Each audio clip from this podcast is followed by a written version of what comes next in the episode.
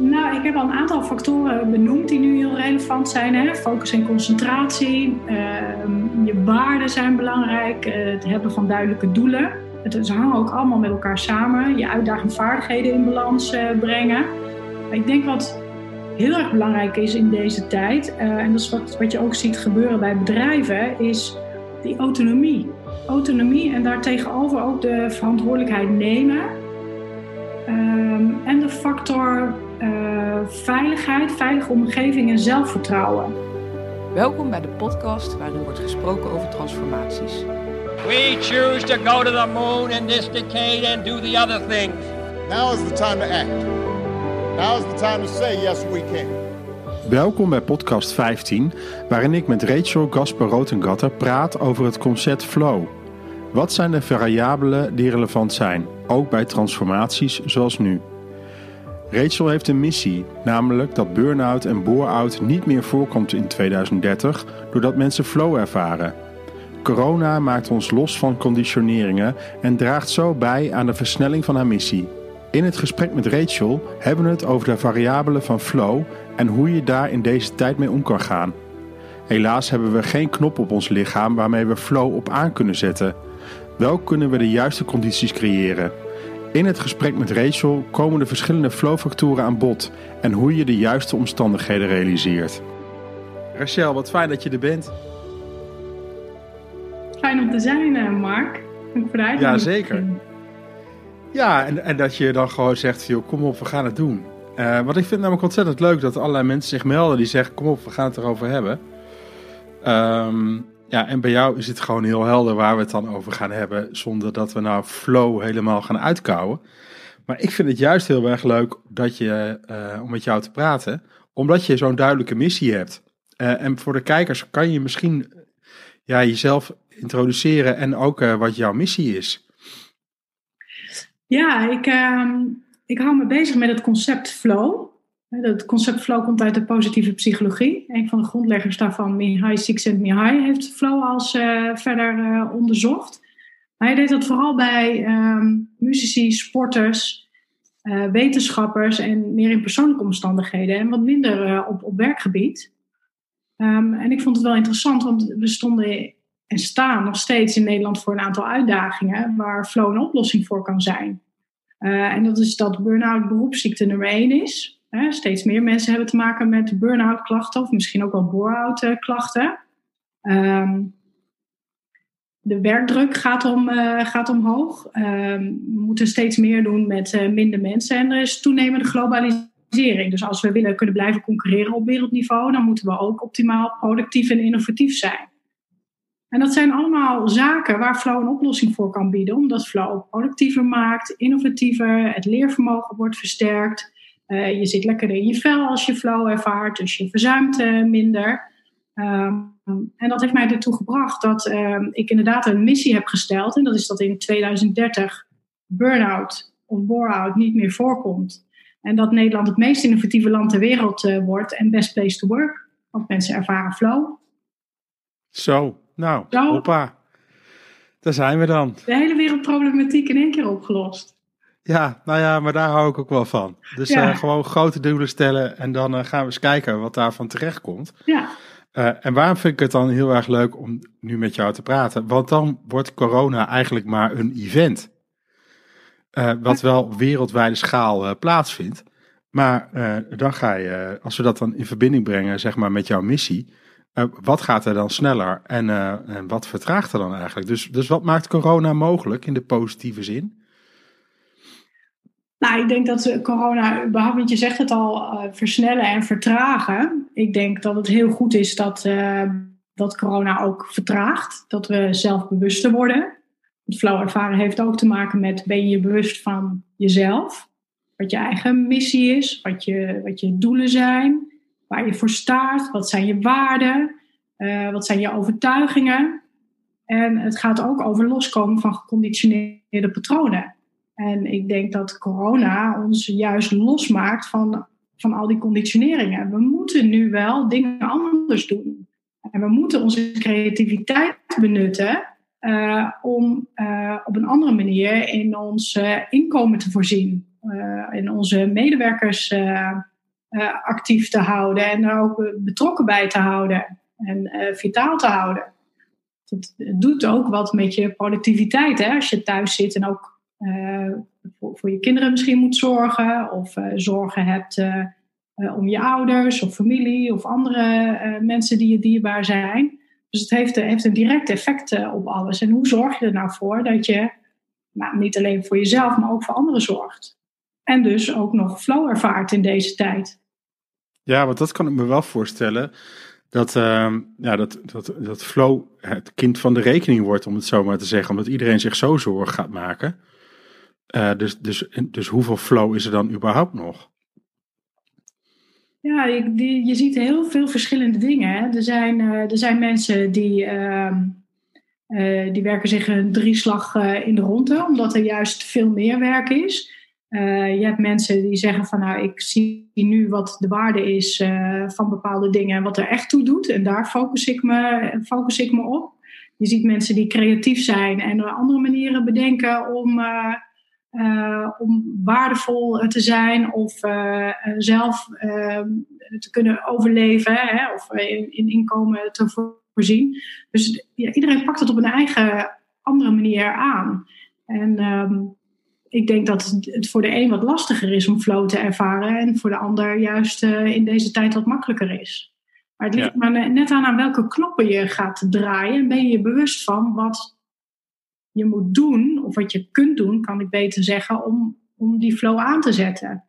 Want ik kan niet zeggen, Mark, ik, uh, ga maar eens in flow, succes ermee. Je hebt geen knop op je lijf zitten die dat aanzet, maar je kunt wel de juiste omstandigheden creëren.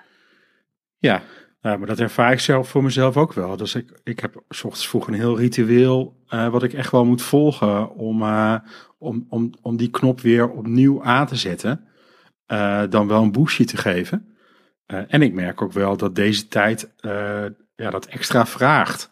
Net alsof ik af en toe gewoon, uh, ja, dat mijn badlek is geschoten, dat ik overal lekkages ervaar, zeg maar. Ja. Dus, dus om flow, in flow te blijven moet ik en het bad repareren en ik moet wel zorgen dat het, dat het bad een goed temperatuur blijft houden of zo. Dus ik moet wel verversen. Ja, precies. En dat is meer dan normaal. Ja, dat, dat, klopt. En dan kan ik me ook alles voorstellen. Ik moet zeggen dat het van mij, en ik weet hoe je, hoe je de juiste omstandigheden kunt creëren voor flow. Maar het, het kost mij ook uh, de nodige moeite. Want het is niet hetzelfde als voorheen. Dus je moet er weer een heel nieuwe manier ontwikkelen. Of eigenlijk ontdekken uh, in hoe je uh, die flowfactoren aanzet. een ja. van de flowfactoren is bijvoorbeeld focus en concentratie. Um, voor mij, ik heb, ik heb puberkinderen. En uh, mijn dochter is bij haar vader en uh, mijn uh, zoon is bij ons. Um, dus wij hebben het een beetje verdeeld. En een puberkind is ook wel iets anders dan dat je een 2, 3, 4 of 6, 8-jarige rond hebt lopen. Dat vraagt, vraagt andere focus op je kinderen. Mijn zoon die, die slaapt eerst uit, die heeft nog wat, wat te leren voor school uh, games en die redt zichzelf wel. Dus dat geeft mij de ruimte om ook gefocust aan de slag te gaan. Uh, jij zit uh, thuis te werken, omdat uh, ik denk ook bij plek op dit moment geen mogelijkheid is om te werken. Maar ik heb mijn eigen kantoor waarin ik toch ook alleen kan zijn. En dat kan een plek zijn waar ik me op de normale manier gewoon kan focussen op mijn werk en me kan concentreren. Dat heeft ook te maken met, ben je mindful aanwezig? Want jij zegt al, ik heb een bepaald ritueel s ochtends. En dat ritueel maakt dat jij je dus op een bepaalde manier in een bepaalde staat zet, waarin jij je kunt focussen en concentreren op wat er, wat er gebeurt die ochtend en wat je kunt gaan doen. Ja, want ik, ik heb, weet je, uh, ondanks het feit dat het misschien maar vijf minuten lopen is naar plek, uh, ben ik, ja, liep, ja, miste ik gewoon dat loopje dan kom je over dat watertje wat zeg maar eh, bij het KSG eh, eh, sportveld is. Voor de luisteraars is dit natuurlijk helemaal niet interessant, maar dan kan je het een beetje plaatsen. Maar ja, daar sta ik, stond ik elke dag eventjes vijf minuten boven om even te denken, oh ja, wat ga ik vandaag doen? En als ik terugliep, dan ging ik er weer boven staan. dacht ik, oh, wat heb ik nou los te laten? Ja. En wat moet ik mezelf schonen? Maar dus daar heb ik wel iets speciaals weer voor moeten maken, om dat s ochtends vroeg ook weer goed te doen. Ja. Maar ook om over, de overgang te maken van privé naar werk. Ja. Dus Eh, en ik merk nu zelfs dat ik, dat ik zelfs nu ga nadenken over hoe ik ook s'avonds meer structuur weer kan gaan maken. Om die overgang ook weer terug te maken. Dus, en, en ik ben natuurlijk een chaot van hier met Tokio. Dus ik ben helemaal niet van structuur. Dus dat ik dit aan het doen ben is echt uniek. Ja. Nou, misschien ontdek je wel hele mooie nieuwe dingen dat structuur juist heel veel uh, kan brengen. Ja, elke ochtend rondlopen met Sandra een half uurtje. Gewoon hier door de buurt. Heerlijk. Ja. En ik hoop dat ik dat vol blijf houden. Nou, en, en je zegt iets belangrijks, is dat je uh, op weg naar plek wel stil stond om eens te denken, wat ga ik nou vandaag allemaal doen? Uh, ja. En door bepaalde doelen te stellen, want ook dat is een, een factor om de juiste omstandigheden voor flow te creëren, is weten wat, wat je doel is. En um, jij bent ondernemer, ik ben ondernemer, dus wij bepalen onze doelen zelf. Uh, maar voor iemand die ergens in uh, loondienst is, is het belangrijk dat je weet wat jouw doelen zijn en dat die doelen ook overeenkomen met het doel van de organisatie. Um, en daar kun je natuurlijk wel een hele mooie structuur omheen uh, bouwen. He, door de, wat ik heb gedaan. En ik, ben, ik heb het boek Grip gelezen van Rick Pastoor. Ik weet niet of jij die kent. Nee. Het gaat heel erg over structuur, dus uh, nou, ik ben, ben, wel benieuwd wat je daarvan gaat uh, vinden. Maar het kan heel erg helpen. Klinkt als wat, een gruwel. Ik, vind het Klinkt als een gruwel. Oh, ik, ik, vind het heerlijk. Want dat creëert mij echt de flow. En ik heb er ook baat bij in, in, uh, in deze ja. tijd. want wat ik doe is, ik stel jaardoelen. aan ja. het eind van 2019 heb ik mijn jaardoelen voor 2020 gesteld. En die zijn natuurlijk heel groot en hoog over. En uh, dat duurt heel lang voordat die jaardoelen behaald zijn. Dus wat doe je? Die knip je op in kwartaaldoelen. Um, en dan werk ik wekelijks aan die kwartaaldoelen. En elke week kijk ik aan het eind van de week kijk ik terug.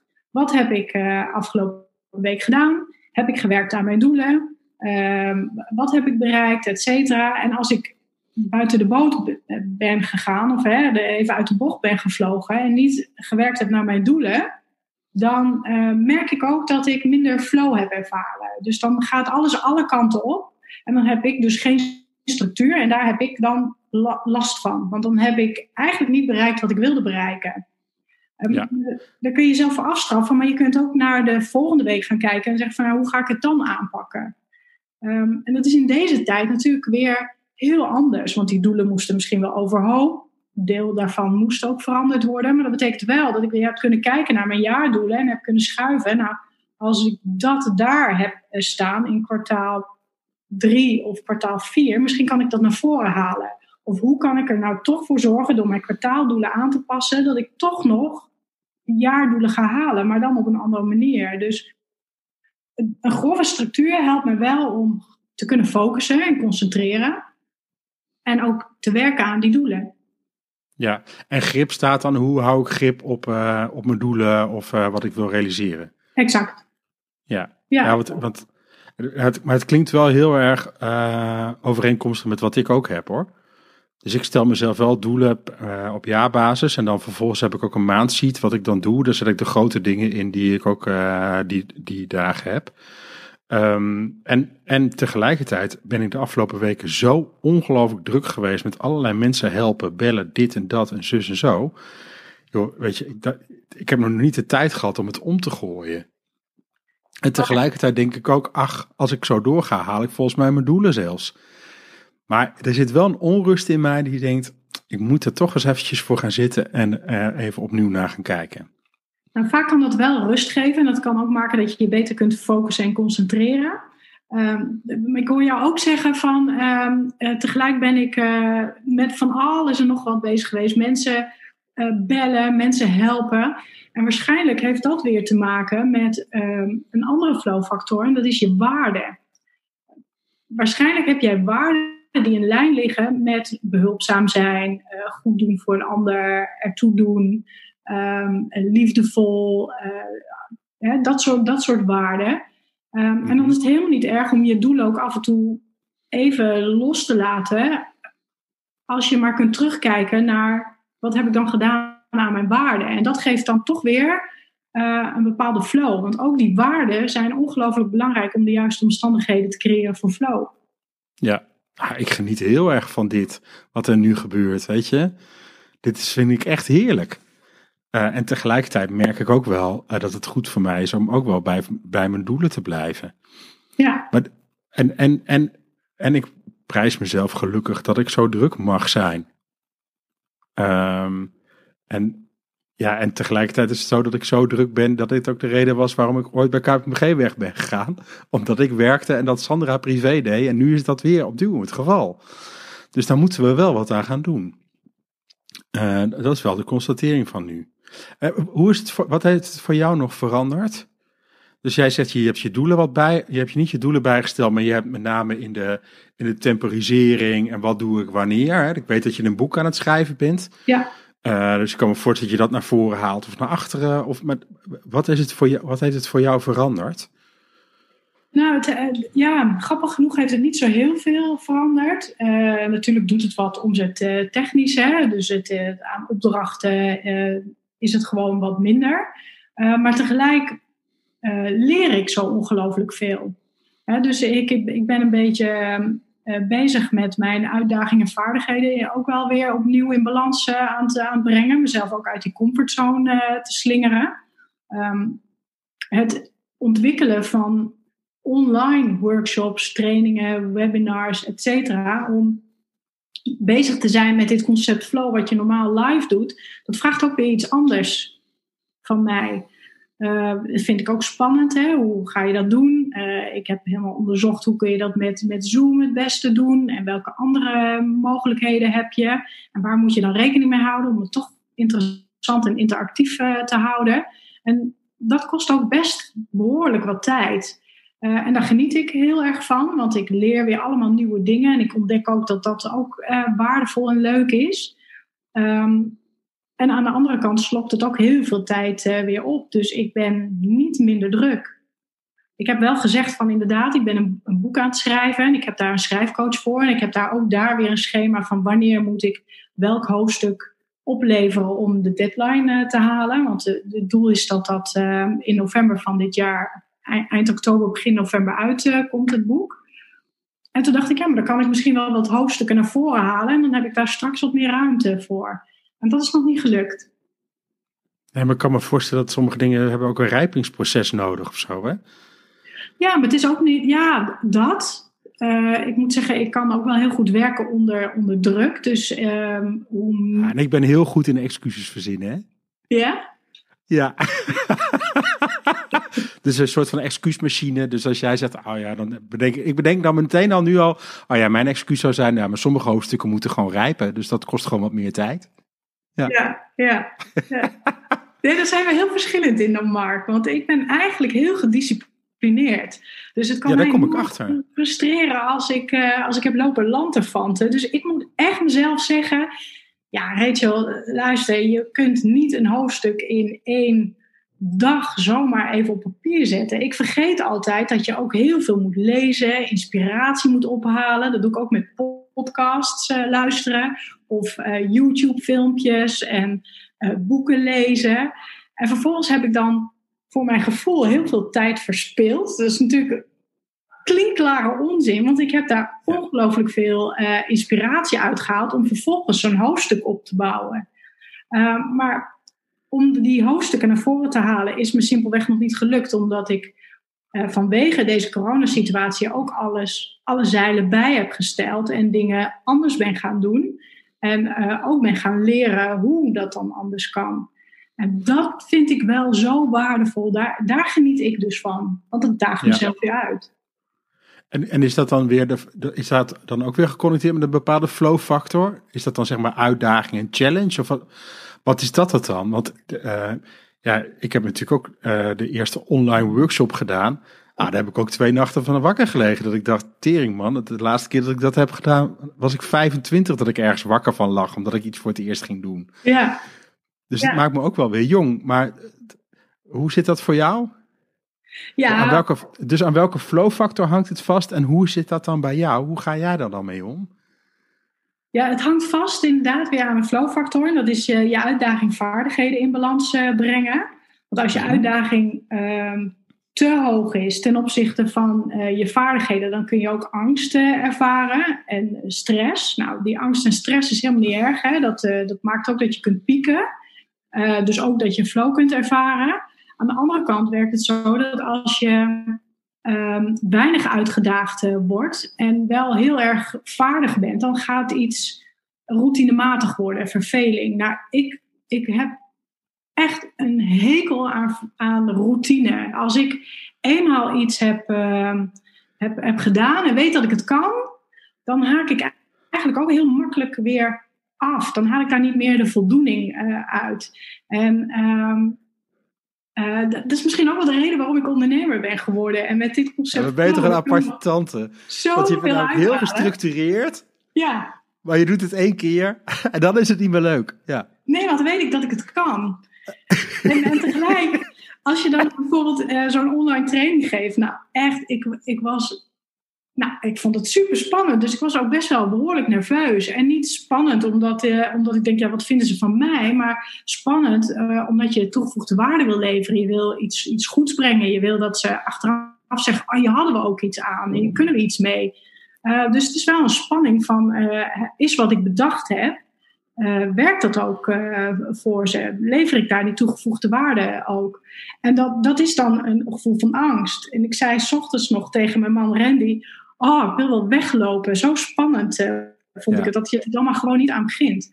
En dat is iets waar je dan wel echt doorheen moet. Want eigenlijk is dat je angstbrein die aanstaat en allerlei signalen afgeeft. En ook je, je buik doet dan natuurlijk wel mee.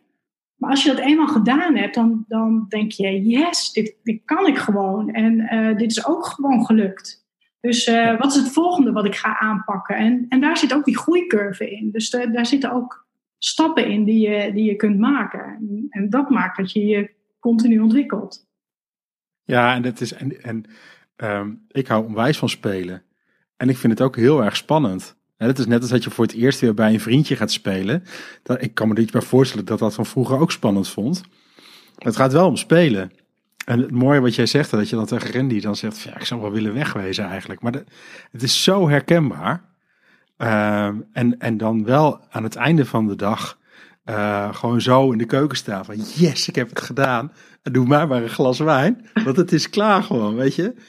Ja, ja da, dat vind ik wel heel tof. Ja, ja, ik heb nog nooit zo lekker geslapen als, uh, als uh, die nacht, dat het dan weer gelukt was. Dat je, dat je zo voldaan bent en dat de deelnemers zeggen van, nou, dit, dit, was, dit, dit, was goed, dit, dit, dat alles succesvol was. Um, ik was kapot, ik was totaal gesloopt, maar wel enorm gelukkig. Dus ja, super dat, voldaan. Ja, maar ik zou wel een beetje meer van jou willen hebben, Mark. Dat je het ook wat meer als spelen ervaart. Dat, dat daar moet ik mezelf echt bewust op aanzetten. Dat ik ook mag spelen, mag oefenen, mag falen. Want ik ben wel behoorlijk serieus in alles. Um, en het geeft juist meer flow als je ook durft te spelen en daar op dat moment van durft te genieten. Dus het schrijven van het boek ook, daar ben ik zo serieus mee bezig, zo gestructureerd mee bezig. En de man Randy zegt altijd: vergeet niet ook te genieten van het proces er naartoe. Want die reis is nog belangrijker dan uiteindelijk de eindbestemming die je haalt. Ja, maar ja, tegelijkertijd uh, weet je ook dat je gewoon wordt afgerekend op het boek. Weet je, dus, uh, ik, dus, dus tuurlijk zit er in mijn klein kind wat houdt van spelen. Dat heel erg daarin mee kan komen en genieten van de reis. En tegelijkertijd denk ik ook altijd, ja, maar het moet wel goed zijn. Dus, ja. dus dat spanningsveld ken ik ook zo uh, goed. Um, en ik ga met name gewoon uh, extreem spelen als het echt spannend is. Dus, dus dan kom ik misschien wel in een hyperdrive spelen. Uh, en nu weet ik inmiddels dat ik dan achterover moet hangen en denk: ah, oké, wat, wat vind ik te spannend om te benoemen of om uh, te gaan doen? Um, ja, en, en ja, weet je, je kan denken dat ik heel erg goed kan spelen. Dat kan ik ook echt heel goed. Maar er zijn ook echt wel momenten dat ik het gewoon reet spannend vind. En dat ik het gewoon niet doe. En dus ik heb hier ook wel eens een keer. Toen was ik net voor mezelf begonnen. Nou, dat is natuurlijk al wel een tijdje geleden. En had ik tegen Sandra gezegd: Ik ga vandaag golven. Want ik ben gewoon vijf weken zo druk geweest. Vandaag ga ik golven. En uh, nou, dus Sandra die heeft de kinderen naar school gebracht. En die is naar de markt gegaan, of naar de supermarkt. En die komt een uur later terug. En die vindt mij met mijn petje op, op de bank. Ik dacht dat jij geen golven. Ik zeg ja, maar ja, mijn, direct, mijn interne directeur vindt eigenlijk dat ik nog niet hard genoeg heb gewerkt. Dus dat soort dialogen heb ik ook nog steeds met mezelf. Uh, en dat was toen in extreme mate. Maar dan moet ik me echt aanzetten. En de afgelopen weken ben ik zo druk geweest. En ik, ik moet het recht houden. En ik heb een gezin. Uh, en ik heb een buffer. En ik heb geen zin dat ik in die buffer moet interen. En ik moet hard werken. En, en sinds vandaag of zo denk ik, merk dat ik weer een stap heb gezet om toch weer wat meer te spelen en wat meer te klooien. En, en deze podcast maken is daar een ultiem voorbeeld van. Ik vind het zo, hier geniet ik zo van. Gewoon lekker even bijbeppen met iemand en ondertussen gewoon een podcast van maken. Wat wil je nog meer hebben? Leuk is dat, hè? Dus eigenlijk uh, koppel jij jouw uh, waarde en uh, ook wel dat wat je spannend vindt aan iets doen wat je leuk vindt, maar wat ook wel weer te maken heeft met jouw, jouw bedrijf, met jouw werk. Ja, ja, want het moet ook wel leuk blijven. Ja. En dat, het wil niet zeggen dat, dat het nou allemaal zoiets is van het moet allemaal gezellig blijven enzovoort. Maar ja, je moet mij niet meer vragen voor eenvoudige dingen of zo. Daar word, daar word ik echt niet blij en gelukkig van. Er moet wel een notenkraken zijn. Ja. Ja. Dus, dus ja. ja. Ik vind het helemaal niet erg om een opdracht te hebben waar ik grijze haren van krijg of zo. Maar, maar ik vind het wel leuk om ergens mijn tanden in te zetten. Ja. Nou ja, het is ook wel uh, na een moment van, uh, van de spanning, hè, dat je je uitdaging heel hoog had en dat je echt uit je comfortzone moest komen. En dat je dus leert en ontwikkelt. Ja, dat, dat, dat kost stress. En die stress ja. is uh, ook goede stress, hè? want ik zei al, dat, dat maakt ook dat je, dat je piekt en dat je, dat je een bepaalde prestatie neerzet. Um, maar je, het is ook wel goed om daarna toch ook weer een beetje achterover te hangen. Of even in die, in die hangmat plaats te nemen om weer even tot rust te komen. Want als je brein te lang aanstaat en uh, te veel, te langdurig stress heeft, ja, dan kun je in die burn-out uh, terechtkomen. Ja, en dat stond vandaag ook een stukje over in de krant, hè, de Apeldoornse Courant. Um, dan denk ik, oh ja, jij komt ook uit Apel, mag iedereen dan ook weer even weten. Daarom zeg ik Apeldoornse Courant, anders zou ik zeggen krant. Maar um, uh, daar stond een stuk in over dat er op dit moment ook al wordt gestart met een onderzoek om te kijken naar stress. Hoe mensen dat ervaren. Want als mensen heel lang stress ervaren, wat, uh, uh, wat geleerd is aan een trauma, denk ik dan moet wel heel erg groot zijn. Dan kan er ook een posttraumatisch stresssyndroom optreden. Nou, nou vind ik mezelf niet echt een kandidaat daarvoor om dat te krijgen. Maar het is dan voor mij wel zo'n alarmpje. Dan denk ik, ja, maar ik moet wel ontspannen. Want, want ik kan niet continu de, de boog gespannen houden. Ja. Uh, want, want anders dan trek ik hem gewoon uh, uit zijn verband. Dan, dan komt hij niet meer terug. Nee. Dat elastiek, als dat steeds on, dan, dan veert dat niet meer terug. Nee, en het is ook de kunst om, om er gebruik van te maken hè, van, die, van die rust. Want er zijn ook heel veel onderzoeken naar uh, geweest. En er zijn verschillende boeken ook over geschreven. En die haal ik ook wel weer aan in mijn uh, boek over flow. Um, en dus dat rust ook ongelooflijk belangrijk is. Dat pauze nemen. Wat jij doet, dat wandelen uh, even, even in de natuur.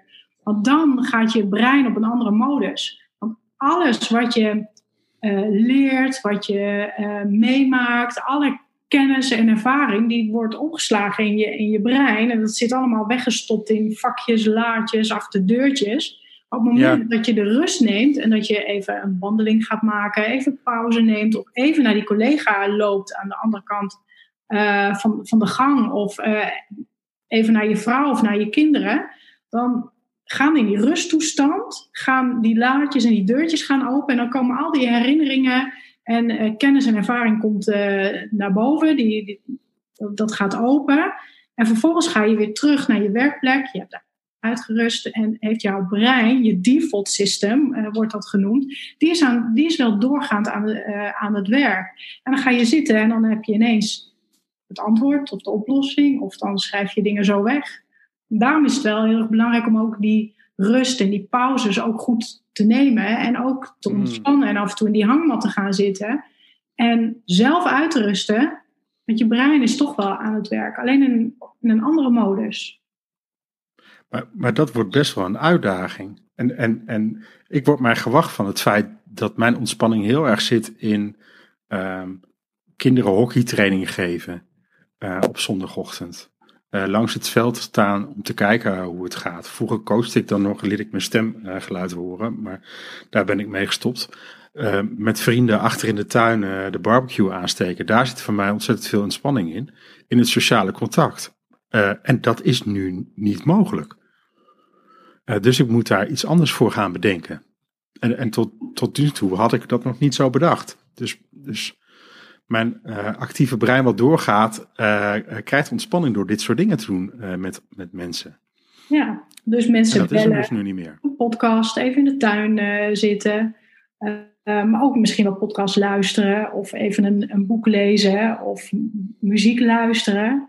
Of gewoon even een wandeling maken. Want dat, dat kan natuurlijk nog wel. Je kunt ook in je eentje een wandeling maken. Ja, ja. ja ik, elke ochtend eventjes. Ja, dus, maar goed, het gaat niet over mijn routine van s ochtends vroeg. Maar het is wel het besef dat er zoveel sociaals eigenlijk wegvalt. Nu. Uh, bij mij en bij heel veel andere mensen. En daar zit natuurlijk heel veel ontspanning in. Ja, het is de kunst om, om, om ook je werk te onderbreken en de, de, de, de valkuil is natuurlijk dat je eindeloos doorgaat. Want ik hoorde ook in een podcast dat je, ook, dat je wel eens je tas ging inpakken weer aan het eind van de dag en dan de volgende dag ging uitpakken. Maar dat dat ook wel een beetje uh, weer weggevaagd is, omdat je dan tot tien uur s'avonds toch zat te werken en uh, er eigenlijk geen zin meer had om je tas uh, uit te pakken. En dan ga je dus eigenlijk. God, dat voel ik nu betrapt, zeg. Dat voel ik me nu betrapt. nou. Maar het is wel zo. Ja, het is wel zo. Dan, dan ga je te lang door. En het, het is de kunst om ook wel op tijd stop te zeggen. En ik zeg het wel, maar ik ben daar ook echt niet de beste in. Integendeel zelfs, ik ga ook te lang door. Um, maar om, om dan te zeggen van nee, ik stop nu. Ook al gaat het schrijfproces of het ontwikkelproces fantastisch goed. Stoppen daar waar het goed gaat en het op een ander moment weer doorpakken. Want dan heb je ook een goed moment om, uh, om weer in die flow terug te komen. Want je, je weet nog dat je er lekker in zat. En intussen heeft je brein een heel proces doorgemaakt en heeft allerlei laadjes opengegooid waar je dan weer uit uh, kunt putten. Ja, uh, die flow-factoren, dat zijn er, hoeveel waren het er ook alweer? Acht. Acht, ja. Ja. En, uh, en welke flow-factor vraagt op dit moment heel veel aandacht? En, en, en de tweede vraag, die hangt daar eigenlijk wel mee samen. Ik geloof dat we op een gegeven moment bevrijdingsdag gaan vieren. Hè? Dan zijn we bevrijd van de corona. Dan gaan we eerst heel veel drinken. En een soort van uh, 5 mei, maar dan anders vieren. Ja. En welke flow factor wordt dan relevant? Dus welke is nu eigenlijk heel relevant? Uh, en welke wordt dan relevant? Of ben ik dan te eendimensionaal? Nou, ik heb al een aantal factoren benoemd die nu heel relevant zijn. Hè? Focus en concentratie. Uh, je waarden zijn belangrijk. Uh, het hebben van duidelijke doelen. Het, ze hangen ook allemaal met elkaar samen. Je uitdagende vaardigheden in balans uh, brengen.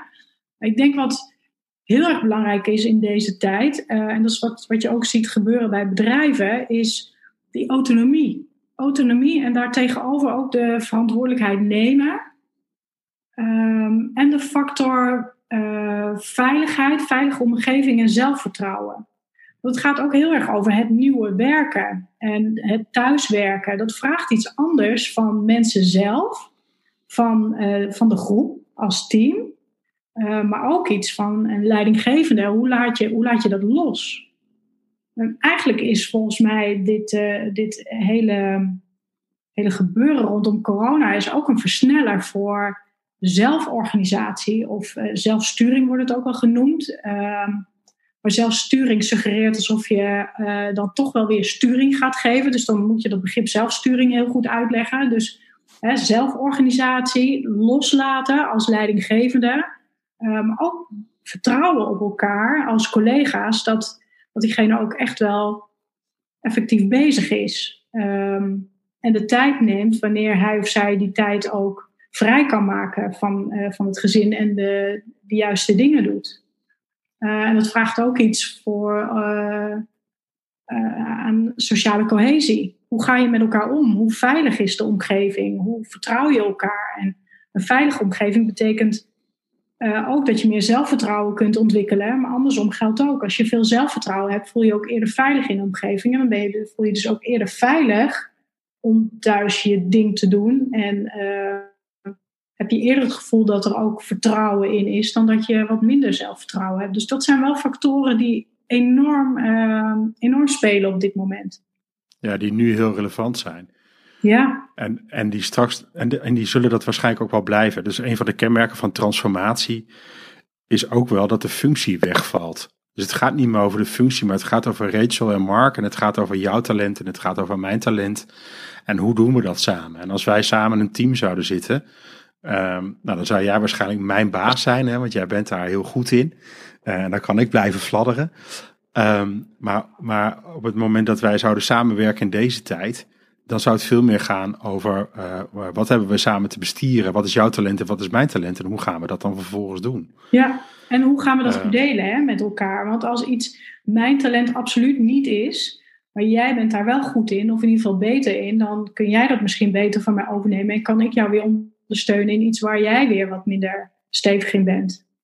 Ja, en ik geloof dus wel dat er, dat er dus misschien stiekem of onbewust toch wel een herverdeling heeft plaatsgevonden van werk. Op basis van wie ben jij en wie ben ik.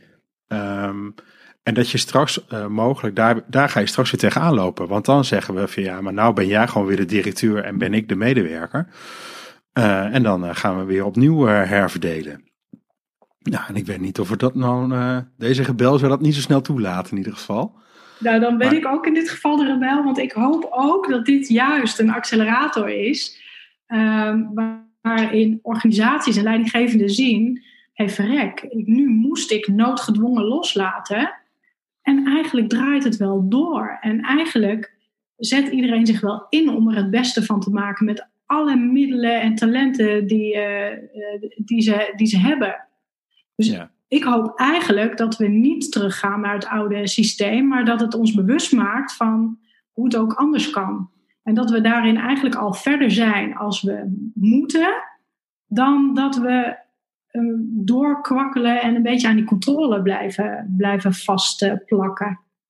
Ja, nou ja, en, en um, er zit nog een tweede dilemma in. En dat is namelijk dat je wel, dus stel dat je algemeen directeur bent of manager bent van een afdeling. En je zit nu in deze coronatijd, dan is heel veel georganiseerd op basis van talent. Um, als manager kan je dan zeggen, of als Mark, de manager, kan je dan zeggen: Ik ga nu dit doen, want dit is mijn talent. Hè? Dus ik ga podcast maken en veel met mensen praten. Hoe gaat het? En dat zijn dan de dingen die ik doe. Eh, en tegelijkertijd vraagt zo'n team nog steeds wel om een bepaald horizontaal verbandje. Dus, want, ik, want, ik blijf, iemand, is, iemand moet ergens leiding geven of zo. Hè? Dat vinden we dan heel normaal. Uh, en dat is het laatste wat we los, uh, loslaten. Dus, dus ik kan me heel goed voorstellen dat je nu als manager er ook tegenaan loopt van hé, hey, maar ik moet maar de groep verwacht toch dat ik nog een beetje blijf managen. Dat is heel tegenstrijdig. Nou de vraag is, moet je blijven managen of moet je een andere rol aannemen? En, en, en dat is dan die van coach. Um, de mate van autonomie is ook van iedereen, voor iedereen verschillend. Hè? Uh, jij mm-hmm. hebt misschien um, minder autonomie nodig dan iemand. Um, jij hebt misschien meer autonomie nodig dan iemand uh, die, die net komt kijken. Hè? Iemand die net afgestudeerd is, die nog junior is, die wil misschien wel wat meer gecoacht en begeleid worden. Terwijl jij zegt, nou laat mij maar vliegen en het, en het gaat wel. Dus het vraagt echt een ander type leiderschap, dus meer coaching van, uh, van zo'n manager om, om daarmee om te gaan. En dat betekent dus ook als manager dat je ook naar jezelf gaat kijken. Wat, wat voor type ben je? Waar, zitten je waarden? Uh, hoe ga je om met bepaalde zaken? En dat je ook dus heel erg naar binnen kunt keren en kunt kijken welke voorbeelden geef ik en wat is, wat is mijn manier van uh, coachen en past dat überhaupt wel bij me? Ik denk dat heel veel managers leidinggevende zijn geworden omdat het uh, gevraagd werd en omdat het ook uh, status en euro's oplevert. Uh, ook wel anciëniteit speelt bij heel veel organisaties een rol. Hè. Je ziet dat vaak bij productieorganisaties. Iemand werkt daar al heel lang, is heel goed in het vak en wordt op een gegeven moment leidinggevende. Maar de vraag is, ben je dan ook nog leidinggevende in, in coachvorm? Dus past de, de nieuwe rol wel daadwerkelijk bij je? En is dat jouw talent? En word je daar überhaupt gelukkig van? en, en dat is denk ik de grootste uitdaging waar we in zitten. Want dat betekent dat we ook naar binnen moeten keren en moeten toegeven dat we misschien ergens helemaal niet zo gelukkig van worden. En andere gesprekken moeten gaan voeren met elkaar. Ja, ja. Uh, mensen moeten wat meer uitgesteld gaan managen. En daarmee bedoel ik, of uit, dus wel in die coachrol, hè, dat, is, dat is mooi dat je dat aanhaalt. En ik, oh ja, dat is natuurlijk absoluut waar. Um, maar weet je, een manager is een manager en die gaat managen. Uh, maar in deze tijd is het misschien beter om wat uitgesteld te managen en niet overal meteen maar in te duiken, maar ook te denken hoe gaat dit georganiseerd worden. Ik heb het voorbeeld in een eerdere podcast ook al wel aangehaald van een docent die veel meer verantwoordelijkheid gewoon bij de leerling uh, legt. En dat je erachter komt dat die klassen zelf ontzettend veel organiseren. Ja. Ja, en dat zie ik ook bij organisaties wel ontstaan. Uh, daar waar, uh, waar ze het eerst best lastig vinden om dingen los te laten, dat je ziet dat, dat dan op een ander niveau mensen hun verantwoordelijkheid wel nemen. En niet altijd weten hoe ze dat moeten doen. Maar daarin kunnen ze natuurlijk weer vragen van, goh, pak ik dit goed aan? Of uh, ik loop hier tegenaan, kun je me daarbij helpen? Um, maar over het algemeen valt het op dat uh, veel mensen dat veel beter aankunnen dan dat gedacht wordt. En zit het dilemma vaak bij de managers zelf, die angst hebben om dat los te laten. Want als je het loslaat, dan kan het ook zijn dat er zomaar iets tussendoor slipt. Of dat er fouten gemaakt worden. Ja, hoe erg is dat? Valt het dan ook daadwerkelijk allemaal om? Of is het een fout die juist leidt tot meer innovatie, meer creativiteit? Ja, uh, en dat is het mooie van deze tijd, dat je zo snel moet schakelen, dat het ook weer logisch is dat er fouten worden gemaakt. Maar er ontstaat ook heel veel creativiteit en hele mooie nieuwe oplossingen om, uh, om daarmee aan de slag uh, te gaan. En dat, dat vind ik juist het mooie waar. Um, ja, daar kan ik echt van genieten. Dat er allemaal nieuwe dingen ontstaan en nieuwe manieren van werken en aandacht eh, geven aan elkaar. Dat is toch fantastisch? Ja, maar dat vind ik ook. Maar dat weet je, ik heb dat ook met die online workshops uh, geven. Maar ook dit soort gesprekken voeren, nou ook met jou. eindelijk heb ik tijd om weer eens even met je bij te praten. En uh, ook te genieten van datgene wat je vertelt. Met de eenvoud waarin je dingen wegzet. Dat vind ik altijd zo ontzettend verhelderend. Uh, ik vond het jammer dat je toen niet bij plekken uh, je plek uh, kreeg. Want ik kan elke keer genieten van om even met je te sparren en een boompje op te zetten. Ja. Nou ja dus het is leuk spelen met je in ieder geval.